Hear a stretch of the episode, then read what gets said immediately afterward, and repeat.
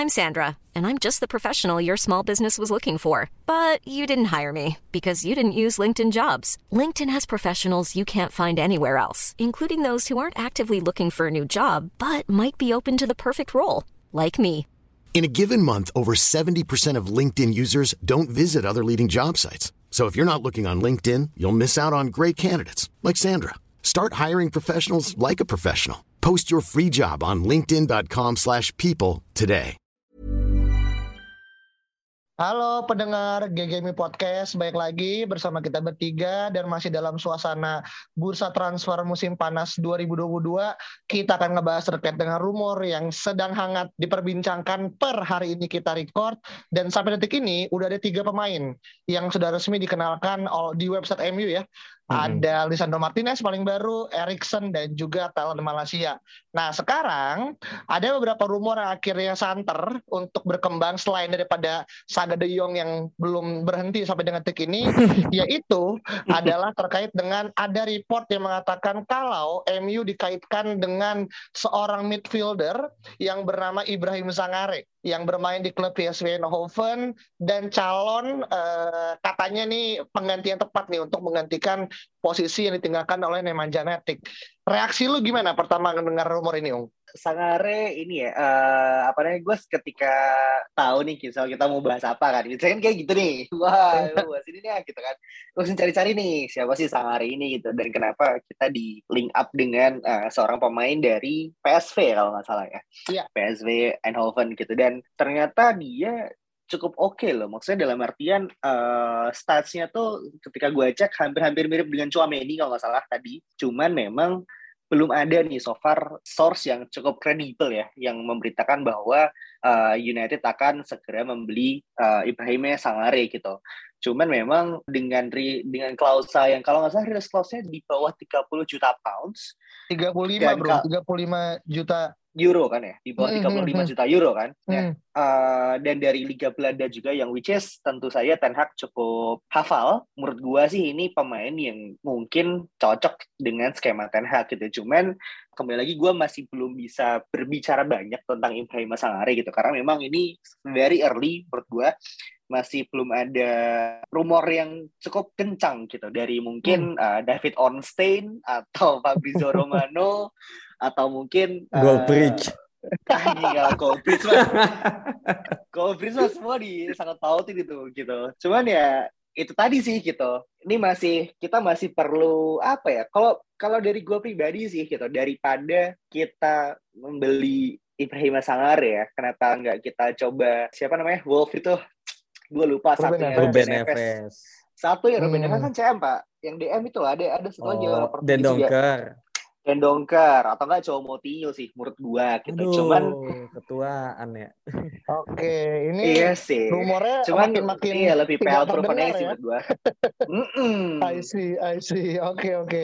Menarik. Buat saya Saung sempat membandingkan kalau kenapa nggak MU mengincar yang gue tangkap PL proven ya dibandingkan Exactly. yang mungkin uh, perlu ada adaptasi. Tapi gue nanya ke Alvin. Ini gue baca dari uh, The People Person ya. Bahwasanya pelatihnya head coachnya PSV kan se- sebenarnya kan Ruud van Nistelrooy ya ex dari lagi dari MU juga gitu. Dan dalam salah satu apa namanya interview yang dilakukan kurang lebih seminggu ke belakang dia tuh bilang kalau dia tuh udah sangat takut kalau Sangare ini akan pindah gitu eh, di musim panas ini gitu kan dan balik lagi meskipun belum banyak eh, rumor yang kemudian mengaitkan bahwasanya PSV ini udah punya semacam kayak fear kalau Sangare akan bisa cabut dan mungkin udah mulai mencari penggantinya gitu. Nah pertanyaan gue satu dengan tipikal Sangare yang kalau kita lihat ya di YouTube ya ini berdasarkan dari source YouTube dia kan tipikal yang breaker ya yang akhirnya Hmm. mutus serangan gitu kan dan secara body dan juga physical ability dia menurut gue sih sangat-sangat ini ya capable ya untuk akhirnya uh, memutus serangan dengan kaki yang panjang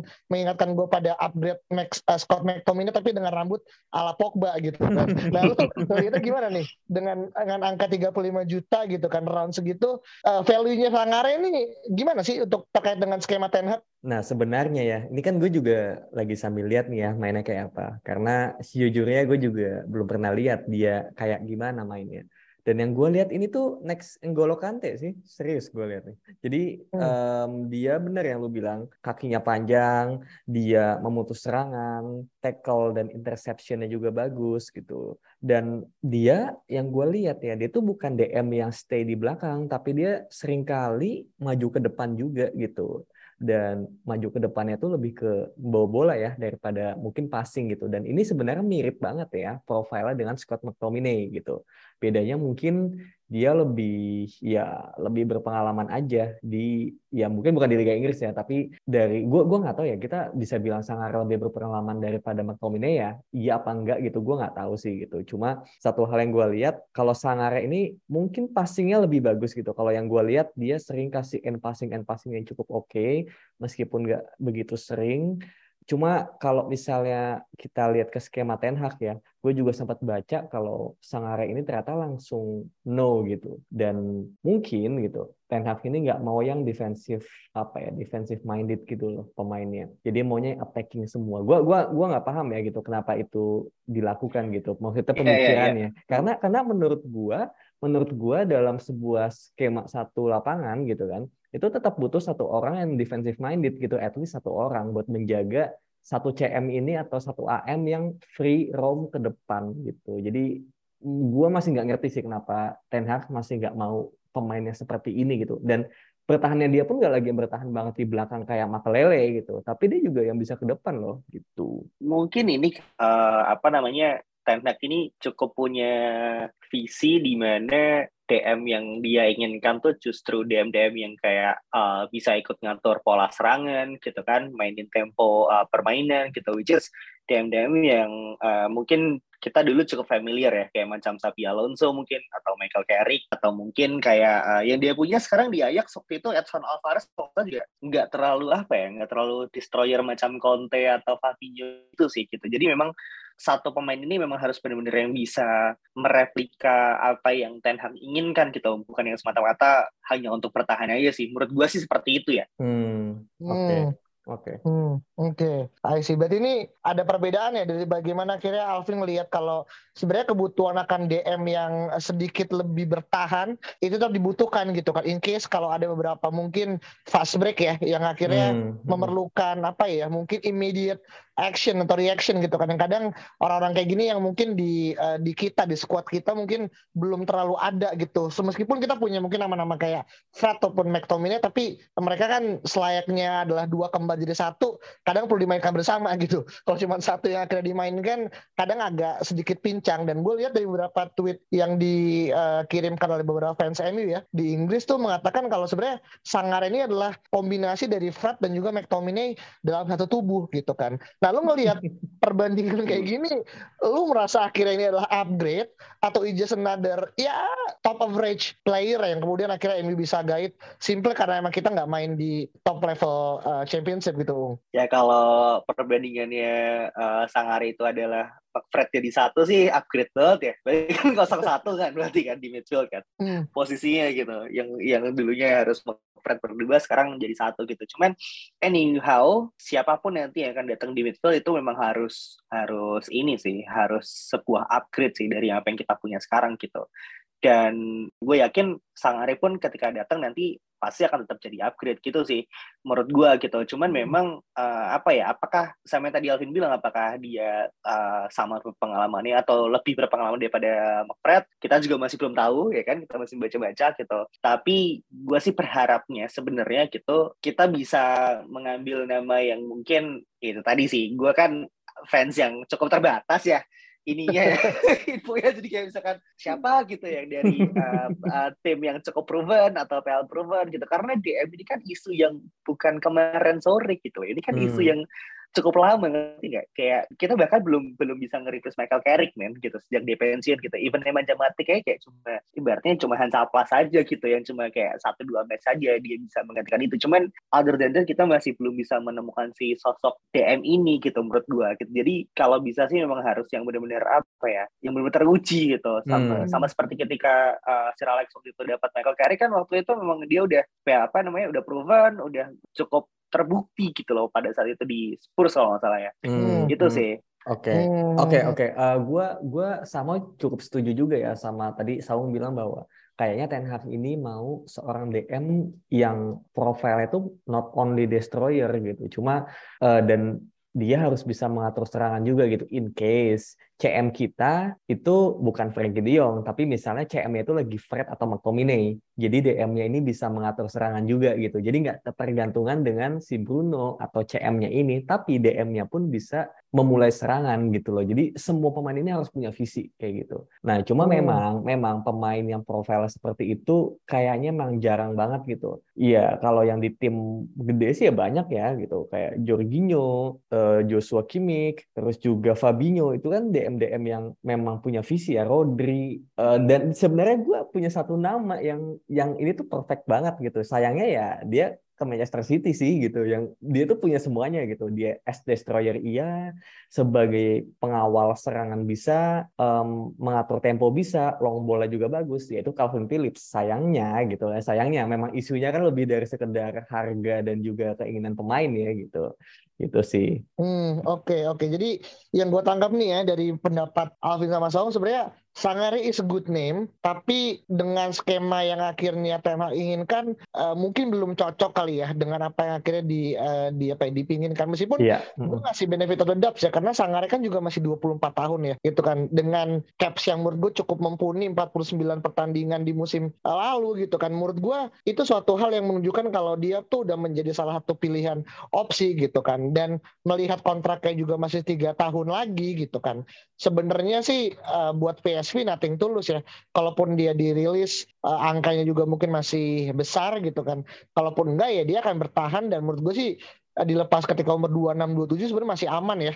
Uh, dan ya, pemain kan akan develop gitu kan dan sampai kapan pun juga masih terus menemukan peaknya gitu. Nah, terkait dengan beberapa nama tadi yang circulating ya tadi Alvin sepenyebut beberapa nama Saung juga sebut nama ini masih sayangnya belum ada ya yang akhirnya memberikan sebuah sinyal elemen kalau MU di, mengaitkan dikaitkan dengan pemain pemain-pemain yang tadi disebutkan gitu meskipun ada yang bilang kemudian Sangare ini bisa menjadi semacam kayak opsi ketika De Jong kemudian gagal ke MU ini kan lebih lebih aneh lagi ya jadi satu hal yang kok jadi malah makin uh, ngaco gitu kan meskipun kita tahu ya dua-duanya uh, tipikalnya agak sedikit beda gitu kan secara segi permainan dan segala macam gitu. Hmm. Dan kalau untuk terkait dengan DM ya, kayaknya kita coba untuk move dulu karena sebenarnya uh, pemain yang akhirnya dikaitkan uh, dalam kurun waktu 24 jam ke belakang itu nggak cuma Sangare gitu kan. Yang mana ini berkaitan dengan posisi yang sebenarnya masih hot ya karena yang bersangkutan atau atau empunya nih masih latihan gym sendiri gitu kan masih mencoba menawarkan diri ke berbagai macam tim tapi sayangnya di tim kita gitu kan di apa namanya ketika kita kemarin dan sekarang masih di Australia sialnya posisi striker tuh cuma ada di Anthony Martial gitu kan. Even Amat Diallo di posisi sebagai striker sebenarnya agak enggak ya gitu kan. Dan itu agak semacam perjudian aja gitu untuk melihat uh, kemampuan main nah satu main yang kemudian dikaitkan adalah Ivan Toni gitu kan.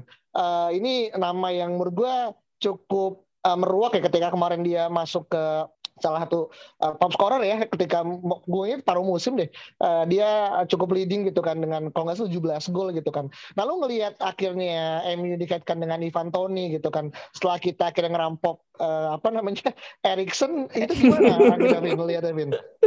Gua ya, gua gue juga sebenarnya meskipun gue nonton Liga Inggris ya musim lalu, cuma emang nggak bisa mengingat setiap performa pemain ya, mainnya kayak apa gitu. Apalagi Tony ini juga um, timnya baru ya, baru baru apa promosi kan Brentford musim lalu. Um, gue juga lagi mengingat uh, via highlights dan yang gue lihat itu adalah Tony ini bukan striker yang diam di depan gitu. Dia striker yang rajin ke bawah, dia jadi false nine, and then dia kasih bola lagi ke samping, terus and then dia lari lagi ke depan gitu ya. Itu kan tipe-tipe striker yang diinginkan oleh Ten Hag gitu.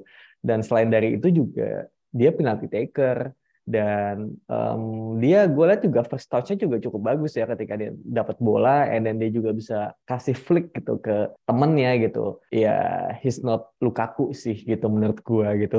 Despite of badannya mungkin gede juga dan juga kulitnya juga sama ya kayak Lukaku gitu. Cuma menurut gue dia tipe yang bisa memberikan variasi yang berbeda ya daripada apa yang sekarang MU punya gitu dan apa yang Hmm. MU pernah punya juga gitu. Dia dia Hmm. tipikal yang berbeda dan menurut gue dia cukup komplit kok jadi striker gitu dan gue kalau misal harganya masih oke, gue nggak apa-apa sih hajar aja. Hmm, oke. Nah ini menarik ya, bahwasanya setelah gue lihat gitu kan di Twitter, banyak orang yang pro kontra gitu dengan eh, rumor yang akhirnya mengaitkan MU dengan Ivan Toni karena menurut dia Ivan Toni masih unproven name dan jangan sampai kemudian MU turun kasta dengan mereka pemain-pemain yang one hit wonder gitu kan. Karena kita tahu eh, sedikit ralat ya, dia itu ternyata mencetak 14 gol dan 6 assist dalam satu eh, apa debut musimnya ya di eh, Brentford gitu kan. Dan sebenarnya kalau kita ngomongin masalah posisi dia, ini gue baca juga ya kalau misalkan apa namanya eh, Thomas Frank gitu itu juga udah beli nih replacementnya siapa? Ivan Toni in case dia keluar itu adalah Akin Lewis Potter dari Hull City gitu kan. Ini kan semacam tanda ya kalau Ivan Toni adalah hot prospect gitu. Nah lu ngelihat dengan sosok Ivan Toni gitu kan eh, one hit wonder gitu kira-kira angka berapa sih Ung yang cocok untuk mem- memboyong gitu eh, sosok Ivan Toni untuk Old Trafford jika lo emang lu setuju? Harusnya sih di bawah 30 juta pounds ya. Harusnya gitu. Mungkin sekitar 20-an juta pounds itu masih sensibel sih menurut gue gue nggak tahu uh, si Ivan Toni ini uh, usianya berapa. Cuman memang apa ya pro kontra ini sebenarnya dapat dipahami sih. Karena kan kita punya Ronaldo kan di squad kita. Harus dibujuk kayak anjing siapa nih kayak perasaan kemarin mintanya Anthony bukan Ivan Toni gitu kan agak memang memang dapat dipahami gitu. Cuman kembali lagi bro gitu. Kita semua tuh melihat Odion Igalo aja bisa berkarir di United kan? Apalagi memang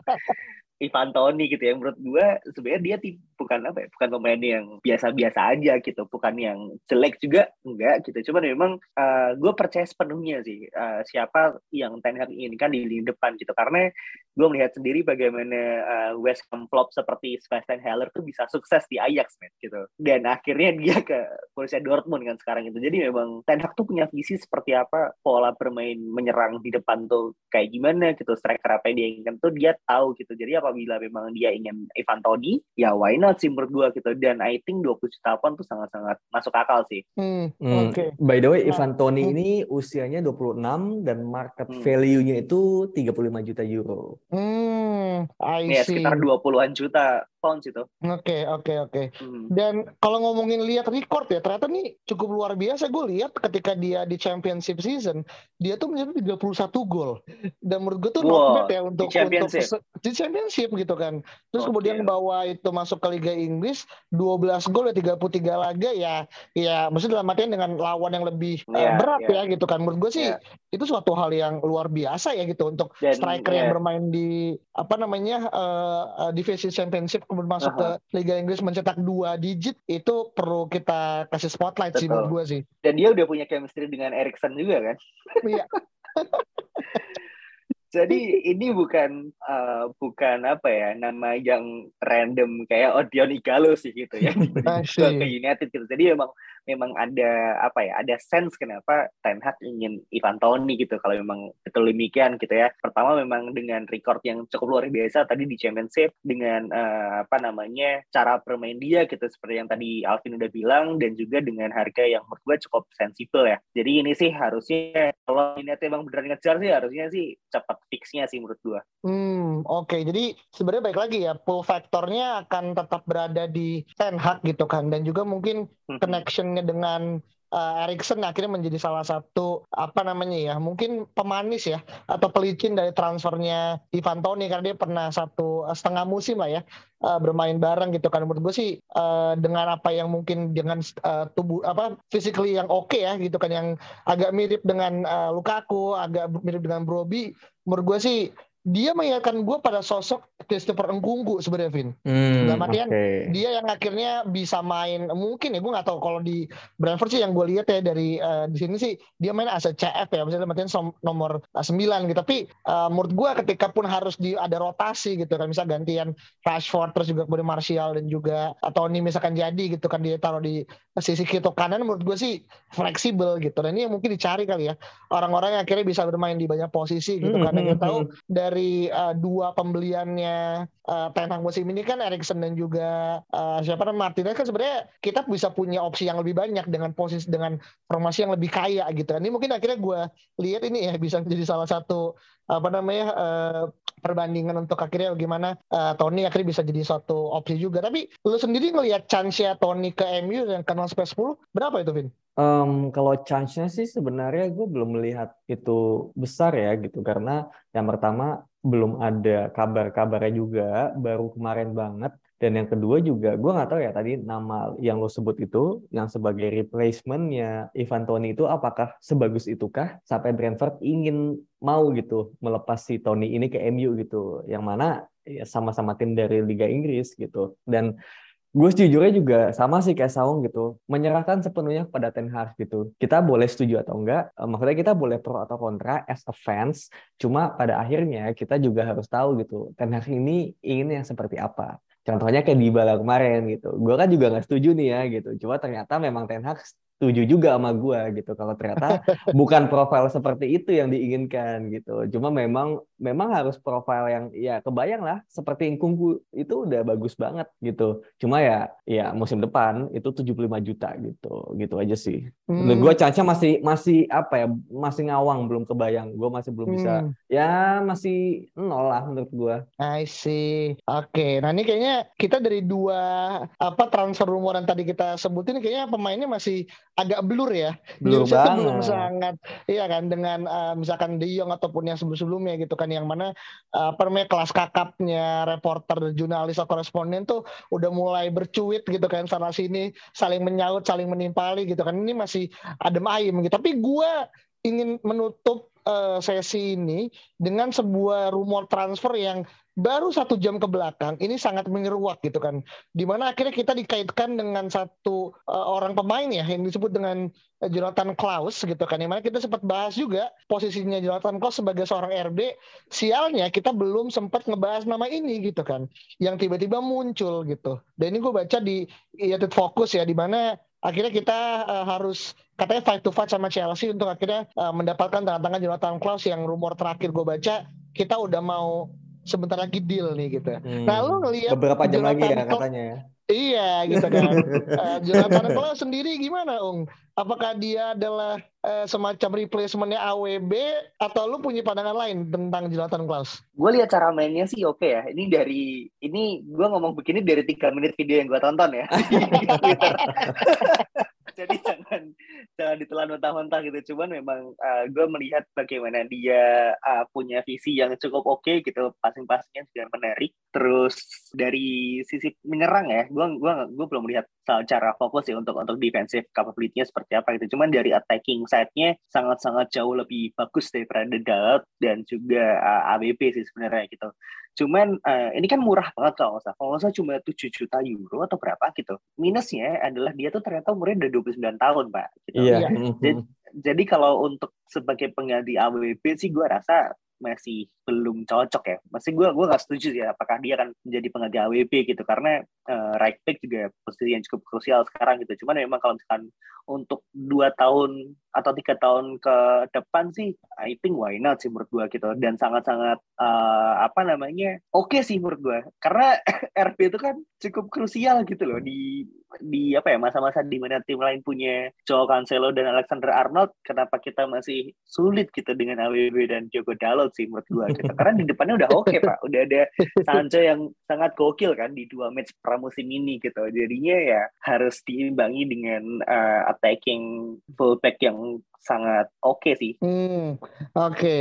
Nah ini gue mau nanya sebenarnya lebih fokus ke Alvin karena Alvin ini kan pemerhati ini ya apa namanya fullback ya uh, dengan menciptakan apa namanya ada beberapa diskusi kemarin tentang dimensional ya Vin ya di mana akhirnya LB ini dan juga RB ini punya dua sektor yang kemudian bisa dieksplor entah menggunakan one dimensional atau kemudian Alvin sering ngomong uh, ala-alanya look apa namanya Alex Telles ya yang lebih banyak kemudian akhirnya melakukan crossing ketimbang akhirnya Luke Shaw yang lebih multidimensional yang mungkin bisa kemudian masuk ke dalam gitu kan Vinto mungkin hmm. sebagai uh, seorang uh, apa namanya shadow playmaker ya kalau gue ngomong ya dia, dia mengisi ke tengah gitu kan yang kemarin pas lagi pas kita melihat match lawan Melbourne kan seperti itu gitu nah permasalahannya dengan Klaus ini yang gue lihat dia kan di RC Lens itu main sebagai uh, wingback dengan posisi 3-4-1-2 gitu kan. Jadi sebenarnya tugasnya dia itu lebih banyak dibebankan untuk menyerang. Dan kalau kita lihat di 8 menit sampai 11 menit apa video review dia, itu lu akan melihat 85% dari video itu akhirnya nyerang terus. Hmm. Hampir sangat jarang lu melihat dia kemudian yeah, ngelakuin interception gitu kan. dan uh, yang gua harus akuin uh, secara statis ya, dia tuh mencetak 5 gol dan 11 assist gitu kan. Uh, di uh, League One ya gitu kan. Menurut gue sih not bad untuk kemudian bermain di uh, apa namanya uh, Liga Farmer ya gitu kan. Dan dan itu gimana tanggapan lu sendiri terkait dengan stats dan juga mungkin positional dia Vin? Um, iya agak sulit sih gitu posisinya. Karena memang ternyata pas gue lihat di apa di Google juga ternyata posisi dia tuh dia bisa di posisi mana pun asal di kanan. Ya dari tuh bek kanan atau pemain uh, gelandang kanan ataupun sayap kanan juga gitu. Yang mana dari sini gue bisa melihat bahwa kayaknya dia ini tipenya memang ya di pinggir gitu loh, di flank benar-benar di ujung gitu. Makanya tadi benar juga Yas yang lo bilang bahwa dia memang one dimensional player gitu. Dia memang cuma di kanan doang. Dia bukan tipe kayaknya ya, bukan tipe yang bisa masuk ke dalam show kayak Timber, kayak mungkin kalau Malaysia itu bisa dua-duanya sih menurut gue gitu. Jadi dia benar-benar mainnya di sayap aja gitu. Dan yang gue sering lihat juga crossingnya kan. Dan ya itu mirip Teles banget sih memang. Cuma bedanya ini si Klaus ini yang gue lihat tuh dia sangat eksplosif. Jadi ketika uh, dia dia kayaknya juga seorang pressing machine juga ya kalau kalau yang gue lihat ya gitu. Jadi kalau ada bola dia kejar dia hajar gitu gitu. Gue nggak tahu sih apakah Teles dulu kayak gitu juga di Porto gitu. Tapi kenapa di MU nggak kelihatan? Nah itu kan yang gue takutnya itu kejadian lagi gitu loh. Gitu. Hmm. Cuma cuma kalau misalnya lu bilang ini dia dia uh, mainnya cuma di pinggir doang sih, iya gue setuju. Dia emang cuma main di pinggir dan rata-rata cuma crossing crossing aja gitu. Dan hmm, itu, okay. itu itu itu itu emang kebantu juga sih dengan posisi dia yang di lens ini sekarang dia sebagai RWB bukan RB gitu. Dan iya hmm. agak-agak susah ngelihat kemampuan bertahan dia. Jadi gue masih agak ragu sih untuk datang dia atau enggak gitu. Gue gue gue kayak hmm. prefer ke enggak deh kayak sayang aja duitnya. Oke. Okay. Dari Saung uh, lu melihat apakah sosok arwahnya Teles nih akan masuk di apa namanya uh, Klaus kalau emang akhirnya main dan lu kan adalah orang yang akhirnya pas Teles masuk kan adalah orang yang cukup hype dan gue juga sama sih kemarin musim lalu kita dua orang yang cukup apa kritis ya ketipu ketipu browser ya bro Gimana lo ngelihat akhirnya nah, dengan harga yang menurut gue di bawah 10 juta, man, it's, itu enggak, bro. Iya bro, iya, nothing lah gitu dibandingkan gaji Ronaldo gitu. Gimana lo iya. Gue sih sikat aja ya kata gue, karena memang ya itu tadi gitu, walaupun dia mungkin bukan dimensional player, cuman dia bisa ngambil. Gue lihat free kicknya cukup oke okay sih, ya hmm. mirip Teles sih. Iya Teles kan. iya, iya, Cuma iya. di sisi kanan gitu tapi ya eh, tadi sih gitu apa namanya dengan harga yang cukup murah murah banget bahkan gitu dan AWP yang gue nggak tahu apakah dia akan punya tempat di musim ini menurut gue sih nggak apa-apa aja sih kejar aja sih. Daripada daripada arah akrab Hakimi ya menurut gue mendingan mendingan dia sih. Mendingan Jonathan Klaus sih men. Nah, karena kenapa gitu? Karena ya mending Hakimi ke mana-mana lah anjir. Enggak bro. Mendingan Klaus bro. Karena Hakimi itu pergaulannya toksik bro di PSG bro. Iya. Enggak lah, nanti kalau sama Ten Hag, sama Ten Hag udah beda. Oh, harus disiplin ya. Disiplin, disiksa lagi dia. ya kalau kalau bisa kalau bisa begitu sih nggak apa-apa sih. Cuman ya itu tadi sih mau kata gua kalau misalkan memang 8 juta pound ini oke okay, gitu dan bisa buat kita apa ya at least menang Europa League kayak ya kita kan jadi punya pulling power yang cukup oke okay tuh ketika kita masuk Champions League kan. Dan itu mungkin kita baru bisa search market lagi gitu tuh posisi RP ini sih menurut gue gitu. Jadi hmm. untuk di season I think why not sih menurut gue nothing I see. I see. Oke okay, ini berarti yang gue tangkap nih buat Saung sih dengan angka yang tidak terlalu mahal dan kalaupun dia flop uh, setidaknya nggak akan dia nggak dibuatin lagu kayak 50 million down the drain ya. Yoi. Iya iya iya iya. Dan menurut gue sih uh, uh, ya, dan menurut gue sih tapi gini ya uh, uh, Vin dan Saung ini kan sebenarnya kita kan bersaing juga dengan Chelsea ya. Yang menurut gue lebih cocok sebenarnya kalau tuh ke Chelsea karena udah udah jelas ya. Tuchel main pakai empat tiga tiga empat tiga atau tiga lima dua gitu kan dan posisinya uh, apa namanya bek kanan atau RWB-nya Chelsea gitu kan. Ketika Aspilicueta pindah ke Barca, notabene tinggal Chris James doang gitu. Dan menurut gue lebih cocok kalau misalkan kita mau melihat secara holistik ya tanpa kemudian akhirnya memandang kalau semua pemain harus datang ke MU gitu. Tapi uh, itu kan salah satu opsi ya makanya akhirnya uh, apa namanya menurut gue kalau secara kecocokan emang lebih cocok ke Chelsea. Tapi terkait dengan kebutuhan tadi kan Saung tuh bilang ya kalau dan kita mungkin semua setuju lah gitu dengan usia yang 29 tahun tapi dia juga udah dipanggil juga ya Bro Alvin ya ke skuad ya ini ya Perancis ya bro ya. Kalau nggak salah hmm. pas tahun ini deh, uh, ketika emang dia tampil gemilang di RC Lens, dia kemudian dipanggil gitu kan mm-hmm. untuk mendapatkan cap. Menurut gue sih, dan kalau dia akhirnya mau untuk fighting untuk number one position back kanan untuk di World Cup, menurut gue bermain di MU itu salah satu sweet spot banget ya lu akan men, lu akan mendapatkan uh, perhatian lebih ketimbang main di Air Challenge terlepas dari klub dan juga liga yaitu kalau kita memandang pemain memiliki uh, apa namanya uh, potensi untuk dia kayak bermain untuk tim nasional gitu. Tapi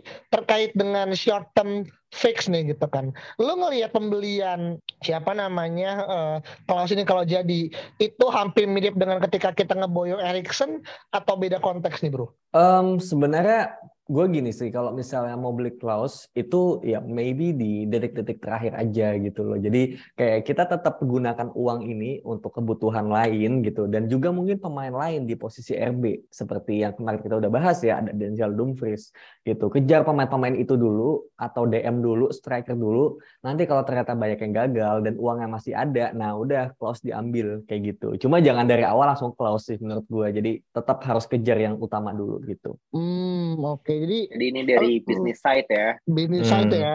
I see. Tapi kalau misalkan akhirnya keburu deal sama Chelsea pun dan kita nggak dapat dia, it's fine juga berarti kan? Fine lah. I see, I see, I see. Oke, okay. berarti kita bisa tahu ya terkait dengan uh, bursa transfer uh, dan apa yang pemain akhirnya dikaitkan ke MU nih uh, dua belah pihak Alvin dan juga Saung. Ada yang pro ada yang kontra ya. Dan menurut gue nggak apa-apa sih. Dan mungkin buat teman-teman yang akhirnya mendengarkan GGMU podcast punya pendapat berbeda silahkan untuk memberikan komentar di di Twitter kita ya.